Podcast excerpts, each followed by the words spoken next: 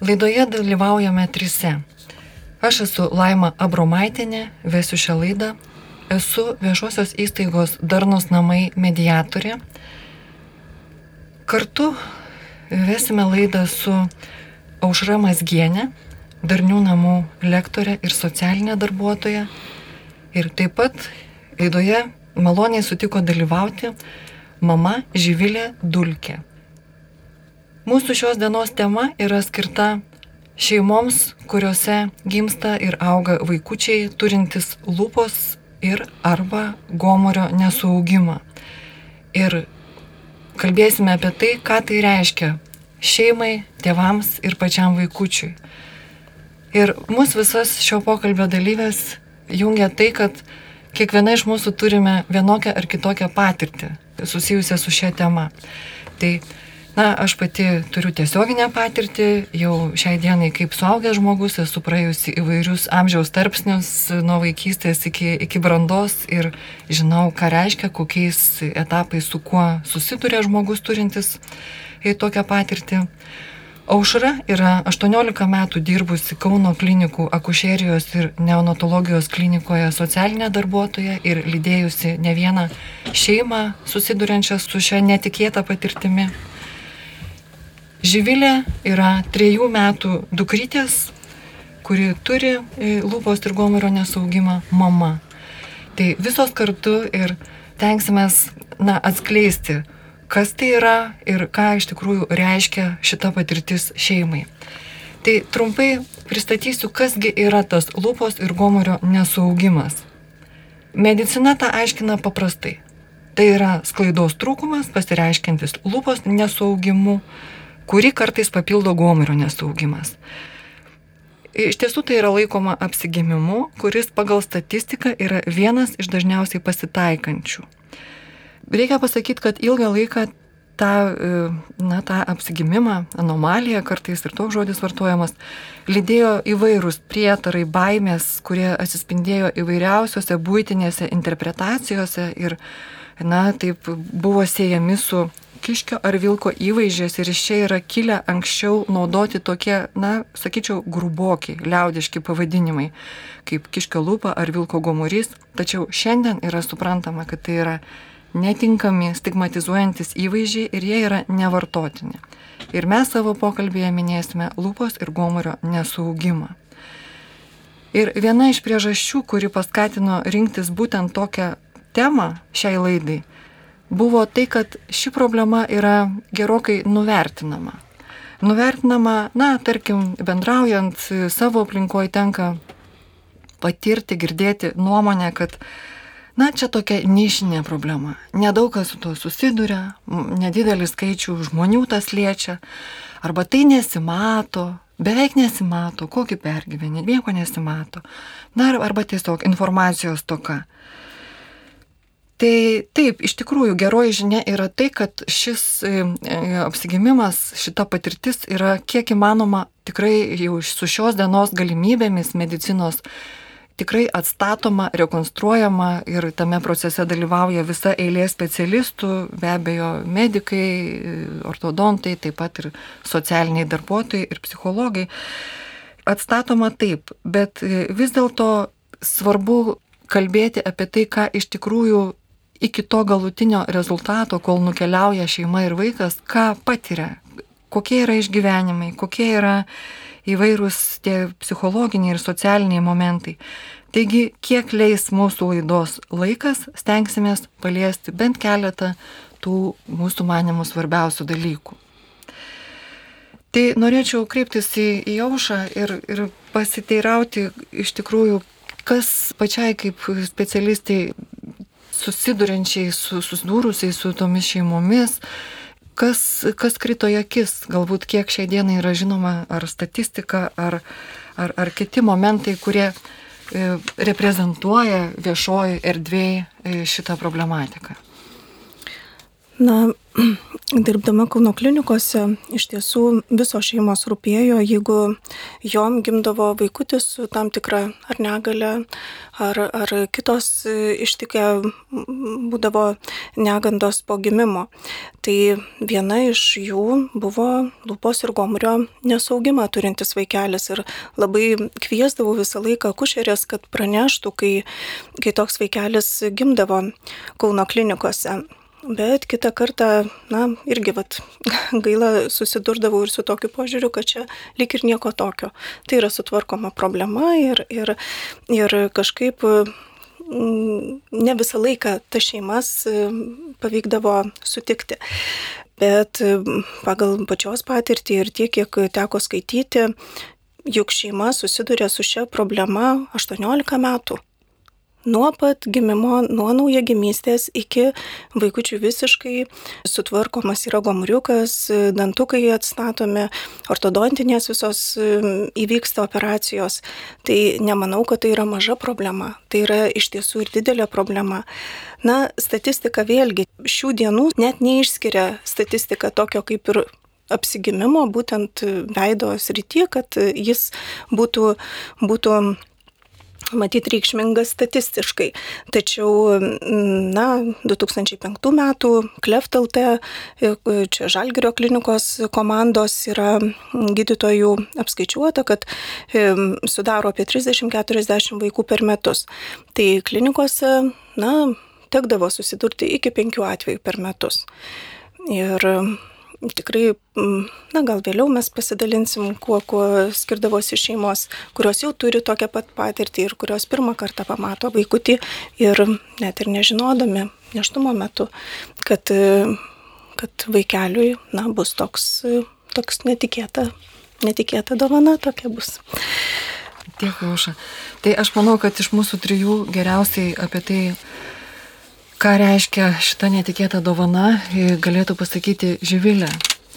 Sveiki. Tai, Živilė, labai džiaugiuosi, kad, kad sutikot dalinti savo patirtim ir labai, labai rūpėtų išgirsti, ką iš tikrųjų reiškia. Na, gimė vaikelis, kas vyksta šeimoje? Pirmiausia, gal pradėsiu nuo to, kad visas neštumas vyko kaip ir sklandžiai, viskas buvo gerai.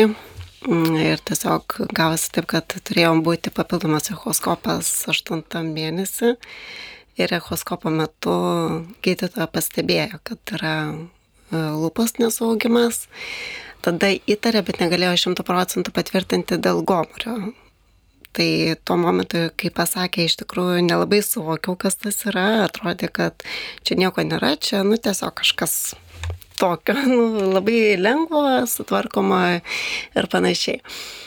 E, po to, kai aš e, jau su vyru pradėjom kalbėti, nes kadangi mes pakliūmė COVID laikotarpį, tai viską viena jau buvo tas, kad teko sužinoti, o po to jau informacija grįžus į automobilį pas vyrą jau teko perduoti, tada pradėjome žiūrėtis internete ir kai pamačiau ir vaizdus, nes, nu, kai suvedė, tai Google rodo vaizdus, tada jau supratau, kur yra esmė.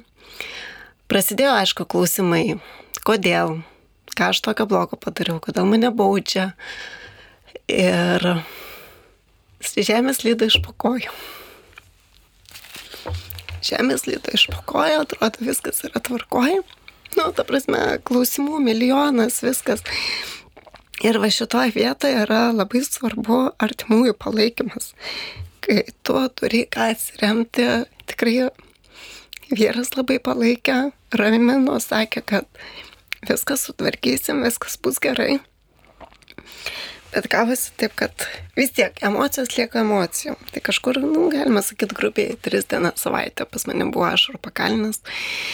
Nenorėjau nesu kuo bendraut, bet artimieji ten mama, vyras, sesuo labai vis tiek nepaliko manęs vienos, liepė kalbėti, liepė domėtis. Aš ir pati tą patį dariau, ieškojau informacijos internete, bet ten kai tu esi tom emocijom ir kai tu suvedi ir tu skaitai, tu matai tik tai blogai. Nu, visą blogą informaciją. Ir tada gaunasi taip, kad atrodo, kad tas yra nesutvarkoma visiškai.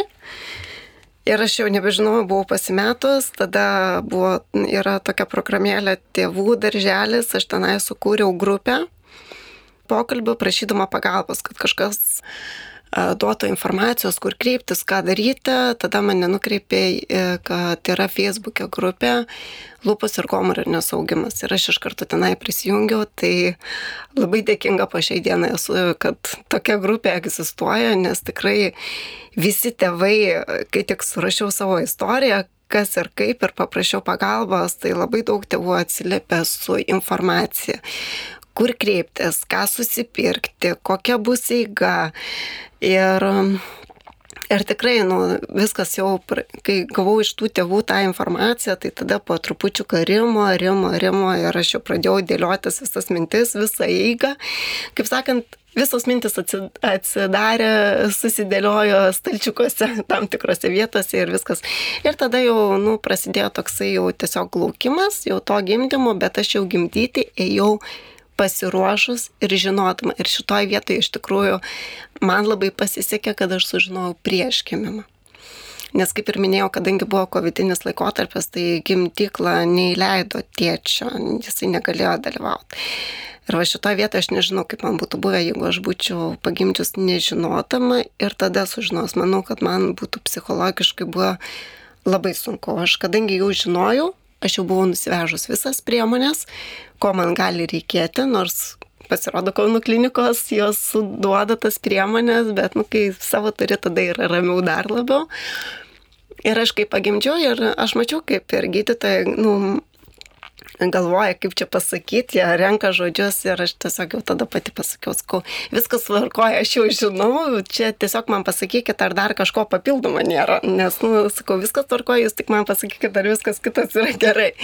Ir tada visiškai kitoks bendravimas paliko, tai Kauno klinikos irgi labai fainas kolektyvas, kuris atėjo, padėjo, ten atsakė į klausimus, padėjo, nes, nu, ta priežiūra yra kitokia.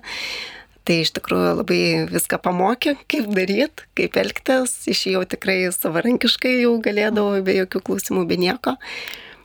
Ir buvo atėjęs psichologas. Ir dabar vat, prisiminiau, kad buvo ir socialinė darbuotoja atėjus ir ir buvo tikrai sutikė informaciją, kad mes galime kreiptis ir dėl neįgalumo tvarkymosi, nes, nu, vis tiek, kadangi tai yra ilgas procesas, kol vaiką, nu, kaip sakant, sutvarkai iki galo, nu, aš taip vartoju žodį, kad sutvarkai iki galo, nes, nu, operacijos laikotarpis viskas. O psichologas tai irgi, kai atėjo, nu, tiesiog stebėjo, kaip aš jaučiuosi emociškai, ar klausė, ar reikia pagalbos, klausė, ar reikia pagalbos gal artimiesiems, o čia vyrui gal reikia kažkokios irgi. Bet kadangi mes jau buvom pasiruošę tą, mes iš tikrųjų, na, jau buvom su savo psichologija susitvarkę tuo momentu. Tai aš tos pagalbos tam sakiau, atsisakiau ir paminėjau tą, kad jeigu aš jausiu, aš kreipsiuos, kad jeigu man kažko reikės papildomai, kad aš ieškosiuos, tai buvo duoti kontaktai, kur galima kreiptis. Tai nu, visa ta reikima informacija buvo. O visa kita po to, aš realiai vat prieš neštumą, jeigu kalbant apie tas pačias emocijas, nes manau, tas yra svarbiausia, vat kitiem kaip viskas vyksta. Uh, Aš kol buvau nepagimdžius, aš visada savo mamai, sesiai, vyrui sakiau, pagimdysiu, užsidarysiu namuose, niekam nerodysiu, niekam nekelsiu ragelio, nes man aš jaučiausi tokia kaip gal gėda, kad aš tokį vaiką pagimdžiau. Man buvo gėda. Ir kai pagimdžiau, viskas apsivertė aukštinkojim. Aš pradėjau didžiuotis, ta mergaitė man nebuvo visiškai jokios gėdos atėjo vis tiek nuskambino, kaip jauties, kaip čia kas, nes iki gimdymo aš keletai žmonių buvau paminėjęs, kad nu, pas mus bus kitaip, bet didžiai dalį aš nebuvau sakius. Ir kaip po to paskambino, nu vis tiek sveikina, kad čia pagimdėjai, klausia, kaip jaučiatės. Ir visada būdavo tas klausimas, ar sveiki. Tai tiek vyras, tiek aš mes nežinodom iš tikrųjų, kaip tiksliai atsakyti žmonėms. Ta prasme, ir sakė, nu, fiziškai vaikas jisai yra sveikas. Jokių Taip. problemų nėra, viskas yra tvarkoje. Tiesiog matomas akivaizdus defektas yra tas nesaugimas. Ir, ir mes tada ir buvo, nu, mes kaip ir sveiki, tik ir mūsų buvo tada pasakymas kitiem, kad mes gimėm kitokius. Mes kažkaip nenorėjom įvartinti to, kad e, kaip yra nu, priimtas tas terminas apsigimimas ar dar kažką, ta anomalija. Mes tiesiog pasirinkom žodį defektas. Mes gimėm kitokius, turim defektuką, kurį sutvarkysim. Taip, tai iš tikrųjų labai, labai na, jautru klausyti, ką pasakoja Dživilė. Bet girdžiu tokį pagrindinį turbūt jūsų akcentą, kad sulaukite daug pagalbos, palaikymo iš taip, artimųjų. Taip. Ir kad ta žinia iki vaikučio gimimo irgi buvo labai svarbu, nes tai leido pasiruošti. Mhm. Tai, tai va tas teikia tikrai vilties ir, ir tiek, kam šiai dienai tai yra aktualu, kas galbūt irgi yra panašioje situacijoje, būtų svarbu, kad, na, va, iš, išgirstų, koks tai yra reikšmingas momentas. Realiai, vat, ir tą, ką aš paminėjau prieš tai, kad aš buvau nusprendus, kad niekam nerodys, tai mes vis dėlto, sakau, kai gimė vaikas, apsiverti viskas aukštinkojom ir tikrai mes priėmėm tuos svečius.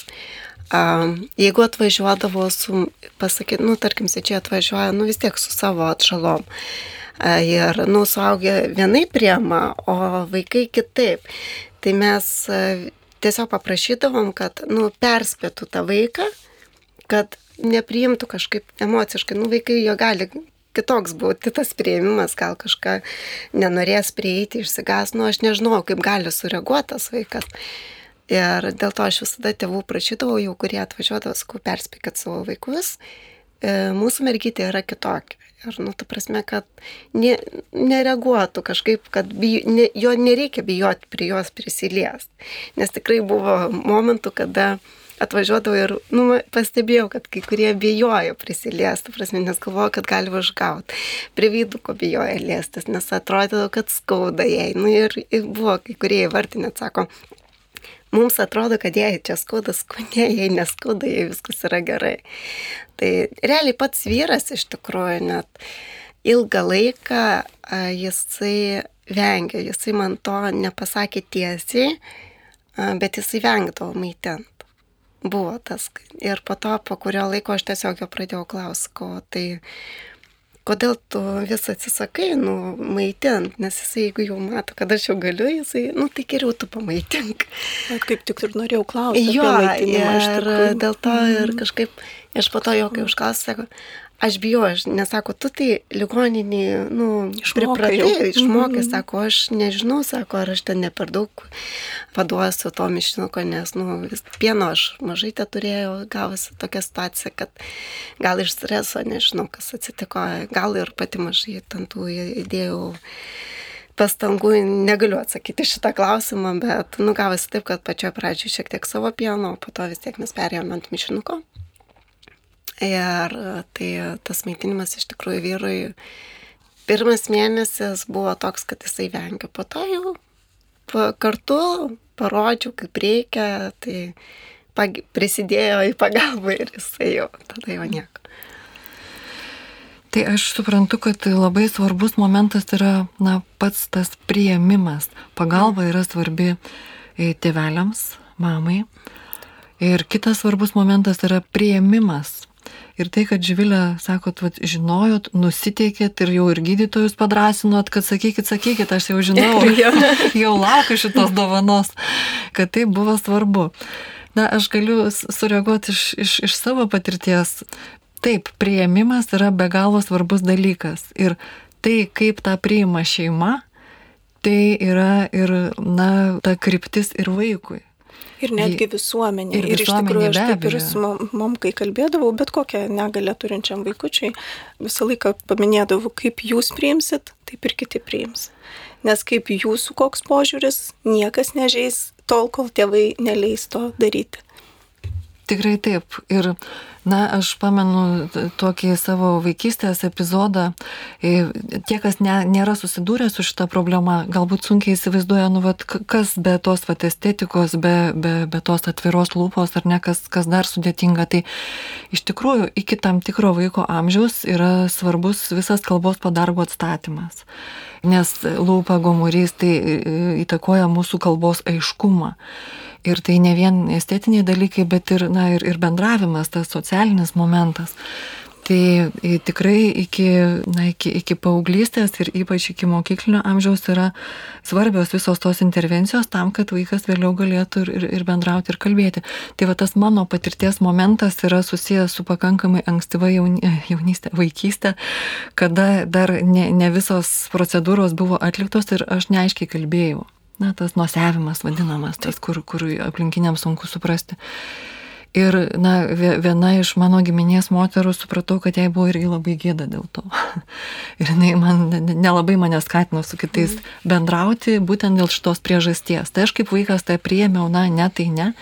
Bet mano tėvai tą sužinojo ypatingai, na taip aštriai sureagavo, aštriai tą prasme, kad mane iš, iš, iš karto na, atitraukė iš, iš, iš tos aplinkos, kur man buvo ribojamas tas bendravimas, tam, kad aš bendraučiau, taip kaip, taip kaip yra, kad taip ir kalbėčiau. Tai vat, ta pozicija, ta laikysena šeimoje, kad taip tu kitoks, mes tave priimam, mes tave mylim ir branginam, jinai yra labai svarbi ir vaikas tą labai jaučia. Visur, kur tėvam kažkaip vat nelabai ir vaikui bus nelabai.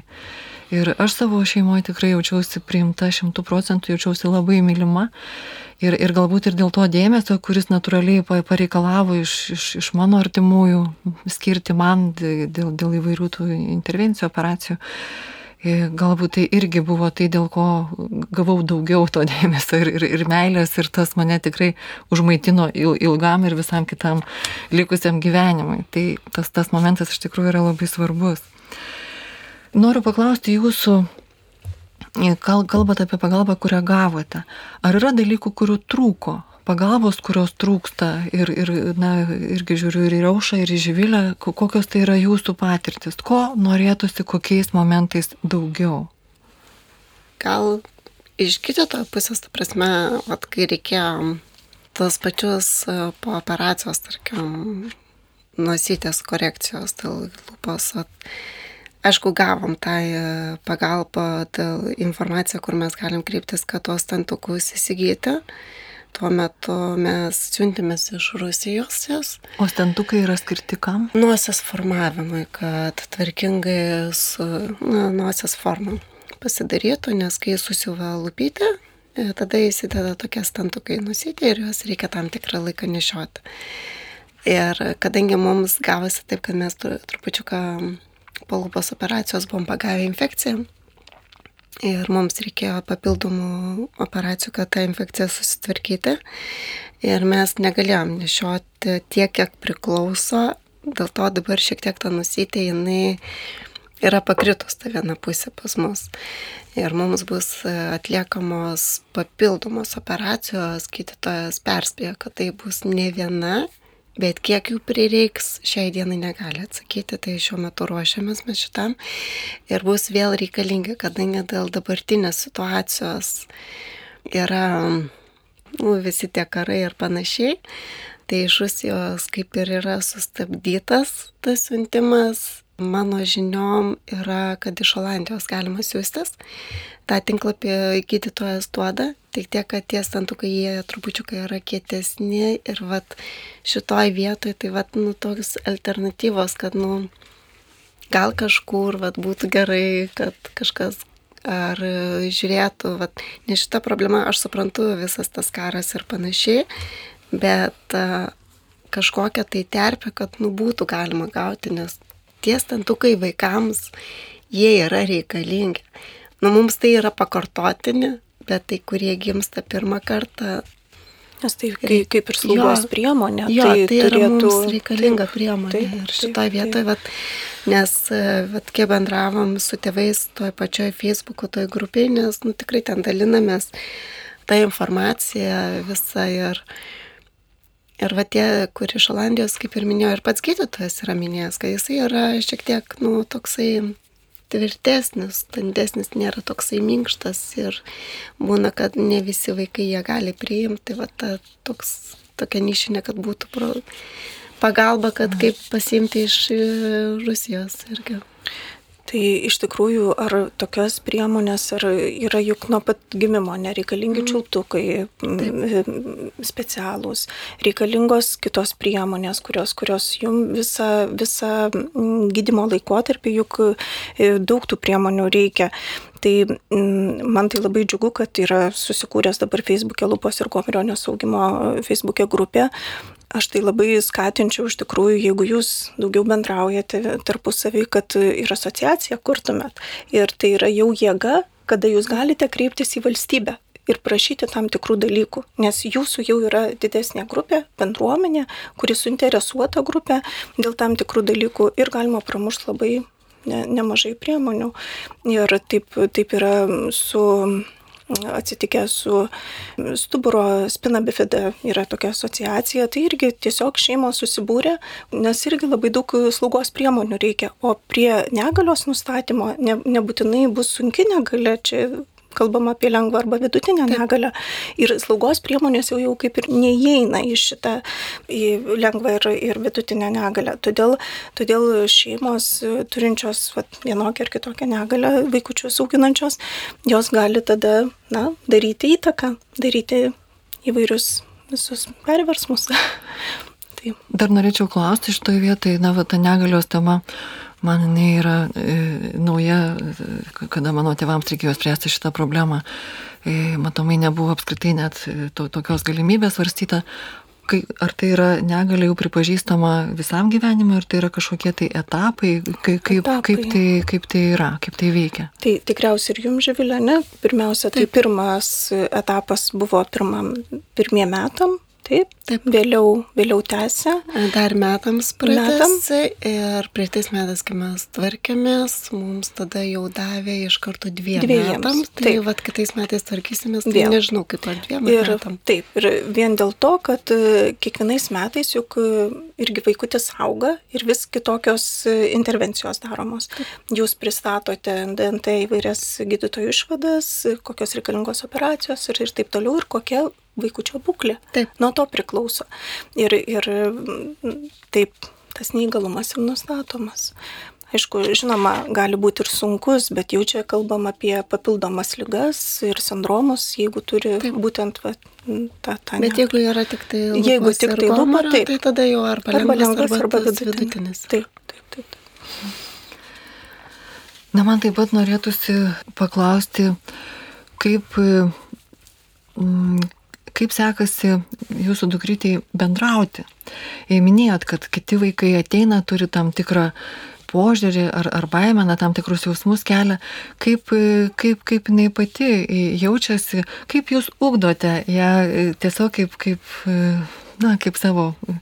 Kaip vaikiuką. ir minėjau, pačioje pradžioje man buvo tas, kad aš ją uždarysiu, nes buvo pačia ta baimė, bet, nusako, po, po gimdymo viskas apsivertė, mes ją socializavom, e, kur vykdavom visur kartu pasiemėm ir e, į lauką išėdom, aišku, būdavo, kad prieidavo koks vaikas, o kas čia jai lupyti yra, kas čia yra, nes nu vis tiek po operacijos nu, yra ir tos siūlės ir panašiai užklyjuota. Nu tai mes tiesiog, kad labai neišsiplėst vaikui, tiesiog pasakydavom, kad, nu, reikia, buvo nelaimė ir vienu žodžiu reikėjo sus, e, sutvarkyti. Tai va čia operacija yra atlikta. Ir kažkaip mums užtekdavo to pasakymo, nes nu, kiekvienam vaikui nu, tikrai kyla tų klausimų. Nu, o fiziškai nu, neįmanoma jam paaiškinti, tai tiesiog gal, nežinau, nelabai gerai, bet palikdavom tėvų atsakomybę, kad vaikui kažkiek pasakydavo. Bet vad, kai tiek, kadangi gyvenom daugia būtyje, tai tikrai mm, priemė tie vaikai, jie su ją kartu žaidžia, jinai ilgą laiką, e, sunkus buvo bendravimas, e, ta prasme, jinai neištardavo jokių garsų, tai pagrindas būdavo jos gestikuliacija rankom, ko jinai nori, tą jinai parodo, kadangi mums gomarys irgi nepavyko iš pirmo karto išsioperuoti, teko antrą kartą tvarkyti, tai dėl to mums trupučiuką lokopė tai nusitolino ir ta pati kalba šiek tiek irgi e, dabar va taip intensyviai pradėjom dirbti su ją. Tai dabar jau jinai pradeda, jo pradeda tam tikrus garsus sakyti, pradeda Mm, ir žodžiai, žodžiai jau atsiranda ir su kiekviena diena mes vis stumėmės. Jis jau vienus metus atlankė darželį, šiais metais eina jau antrieji metai. Tai prieitais metais, at kiek kalbėjau su auklėtoja, prieitais metais jinai tokia uždaresnė buvo. Jinai, bet čia gal ne, ne dėl to, gal jinai tiesiog kaip vaikas, nes nu, kiekvienas irgi turim savo charakterį. Tai, Mm, jinai labiau buvo priauklėtas, mažiau norėjo su vaikais bendrauti, o šiais metais jinai, sakė, labai greitai įsijungė į grupę, susirado draugų, atsirado su kuo bendrauja, bando kalbėti, dainuoti jau kiek įmanoma, jinai savo ten tą kalbą, bet jinai, sakė, viską jau intensyviai bendrauja ir, ir kažkaip, nu, nesimatant, kai ir su pačia auklėta, kai kalbėjom, sako, jinai yra kaip ir visi vaikai kaip ir visi vaikai, ta prasme, nieko. Ir uh, ne per seniausiai pačios auklėtos klausiau, kaip patys vaikai grupėje priema ją, nu, ta prasme, ar neklausia, nu, kas čia yra, nes nu, jinai pati tai neatsakys, jinai tai nemoka dar. Bet galvoju, gal auklėtos, sakė, kažkaip vaikai, sako, matyti, jie priprato, jiems klausimų kažkaip net nekyla. Taip, taip, iš, iš tikrųjų labai susidomėjusi klausau. Tai e, ypač suskambo tas sakinys, kaip sakote, kaip ir visi. na, truputį kitoks, bet kaip ir visi. Nes iš tikrųjų ta, tas pajautimas, kad, na, esi, esi tarp savų, jis, jis turėtų būti labai svarbus. Aš, aš galvoju, kad, na, yra atsakomybė suaugusiems, na, auklėtojams darželėje, pedagogams mokykloje, tėvams šeimoje, pastiprinti tą suvokimą vaikui, kad, na, nepaisant tavo tos kitokios patirties, kuri taip jau tau teko, tu esi kaip visi, tu gali tu kažko gali norėti, gali kažko ir nenorėti. Ta tokį, na, turbūt irgi momentą, kuris e, vaikui augant ateina, kad, na, norisi draugauti, norisi patikti ir kažkaip dėti dėl to pastangas, kad tai irgi nebūtina. Tu nebūtinai turi patikti visiems. Tu esi vertas toks, koks esi. Pats savaime esi vertybė. Tai dar norėčiau klausti, kaip jūsų nuomonė, ar būtų reikalinga bendrauti tėvams tarpusavyje, ar tai būtų pagalba, e, jeigu tėvai turėtų galimybę e, susirinkti ir tarpusavę pasidalinti kažkokiam, na, jiems iškylančiom problemom ar klausimais. Taip norėtųsi e, jūsų nuomonės. Manau, kad kad būtų kažkokia va tokia grupė, tai taip, nes iš tikrųjų, kai ir tam pačiam socialiniam tiklė, sakau, mes labai bendraujam, aš pati būčiau už tokį bendravimą, prasme, nes tikrai reikia tos reikia to sustiprinimo. sustiprinimo jo, nes nu, tikrai kiekvieno situacija irgi atrodo ta pati problema, bet jos yra labai skirtingos. Ir tam tikrais momentais iškyla klausimą, ar tu nežinai, nu, būna, kad, aha, kur dabar man kreiptis, kur man, nu, kiekvieną kartą gydytoją irgi nerašysim, nes, nu, jisai savo darbus turi, tai iš tikrųjų va, tas toksai O kai būtų tas bendravimas, nu, tai vis tiek kiekvienas savo patirtim, nes nu, tie laikotarpiai yra etapai, mūsų atveju dabar yra darželis. Aš nežinau, kaip bus mokykloje ir vis tiek, nu, kad ir kaip bebūtų, bet yra tas patyčių klausimas. Ir jisai būna labai dažnas būtent mokyklos laikotarpį. Tai ir man pačiai jau šiai dienai man kyla klausimas, vat, kaip reikės tą vaiką paruošti kaip ją sustiprint, kad jinai mokėtų save pastatyti, nu, ta prasme, kaip pas, už save pakovoti, gal toks būtų teisingesnis, kad, nu, neleistų jinai iš savęs tyčiotis. Ir, ir va šitoj vietoj, va tokios grupės būtų gerai. Taip, tai e, niekas negalim numatyti, kokie, kokie iššūkiai laukia ne, tik jūsų dukrytės, bet apskritai, na, kiek, kiek, kiekvienas iš mūsų turim savo tų iššūkių. Bet tai, ką sakote, kad būtų svarbu tėvams bendrauti tarpusavėje, manau, kad iš tiesų e, e, svarbi šita galimybė ir mes planuojame viešojo įstaigoje Darnus namai, kuri veikia Kaune rinkti, kviesti tėvus, e, susiduriančius su, su šitą patirtim, su, su šitais klausimais, burtis į grupę, kuri prasidėtų kitų metų, 2024 metų pradžioje. Tai dar negalim tiksliai pasakyti, kada ir kaip tai vyks, bet reikėtų sekti informaciją internete, yra vašai darnus namai. taip pat yra Facebook'o grupė Darnus namai. Ir tenai bus pateikta informacija, e, kaip žinia, kada ir kur tą būtų galima daryti. Bet galima ten skambinti ir bet kada, jeigu, jeigu jau yra poreikis, galima ir dabar. Taip, ir skambinti, registruotis, išreikšti tą savo poreikį ir, ir palikti kontaktus. Na ir laidos mūsų pabaigai, kadangi pasivadinome e, netikėta dovana, tai norėtųsi paklausti, kame vis dėlto yra va, dovana, ką duoda šita patirtis, ką gero iš to išmokstame. Iš tikrųjų geras klausimas. E, sustiprina žmogų emociškai, psichologiškai, tu į tam tikras problemas žiūri kitaip, nes tu suvoki, kad yra didesnių problemų ir tau ten kažkoks eilinis pasiginčiamas, tarkim, šeimoje, nu, kad ir kaip būtų, nu, visi pasiginčia, jisai atrodo menka vertas. Ir realiai dovana yra ta, kad sustiprina pačią šeimą. Čia, manau, didžiausia yra dovana, nes tos visos problemos, kai tu sprendi kartu, tu tada supranti, kokį tu žmogų šalia turi, aš turiu omeny vyrą. Vyrą artimuosius. Taip, ačiū Žymlė. Aš taip pat galvoju apie tai, ką duoda šitą patirtis. Tai iš tikrųjų duoda labai daug. Visų pirma, tai išmokstame priimti savo netobulumą, o netobulė esame visi vienai par kitaip na, turinti šitą patirtį galbūt labiau ne, fiziškai tą netobulumą nešioja, bet va, tą priimti ir suvokti, kad esu vertingas toks, koks esu, tokia, kokia esu. Ta savivertė yra grindžiama kitais dalykais. Manau, kad tai yra tikrai didelė dovana žmogui. Manau, kad esame tiesiog atsparesni, nes tos patirtis, kurias turime pereiti, įveikti, įsisamoninti, jos mus sustiprina gal esam truputį jautresni kitų atžvilgių. Ir aišku, mes galime apie tai kalbėti. kalbėti ir tai, kad šiandien vat, šitoj laidoje daliname savo patirtimi tam, kad kitiems būtų lengviau, drąsiau, kryptis kažkokia būtų. Manau, kad tai yra didelė dovana.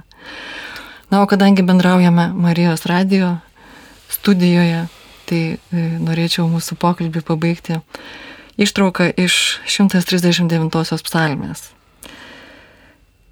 Šlovinu tave, viešpatė, nes esu nuostabiai padarytas.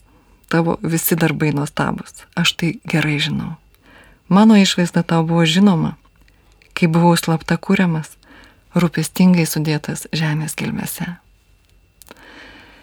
Dėkoju už pokalbį ir nuoširdžiai linkiu. Dėkui, kad pakvietėt. Ir dėkoju labai už drąsą dalintis ir, ir už patirtis tikrai. Dėkui, Aš tik gal praturtinot. Pabaigai norėčiau pasakyti, kad jeigu kas šiuo metu laukitės, nebijokit kreiptis.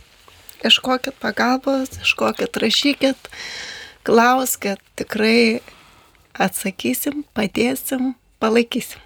Nes tai čia būtų ir Lupos Gomurionės augimo Facebook'e grupė, taip. tėvų darželio taip. programėlė. E, taip pat radau Gomuriukas ir Kau tinklaraštį, kur galima irgi rasti naudingos informacijos. Na ir visa kita medicinė pagalba e, ir labai išsamei aprašyta yra Žalgirio klinikos klef.lt. Taip, labai. Tai labai, labai smagu, kad na, iš tikrųjų vat, ir, ir informaciją galėjome pasidalinti ir, ir dėkui dar kartą. Sudė.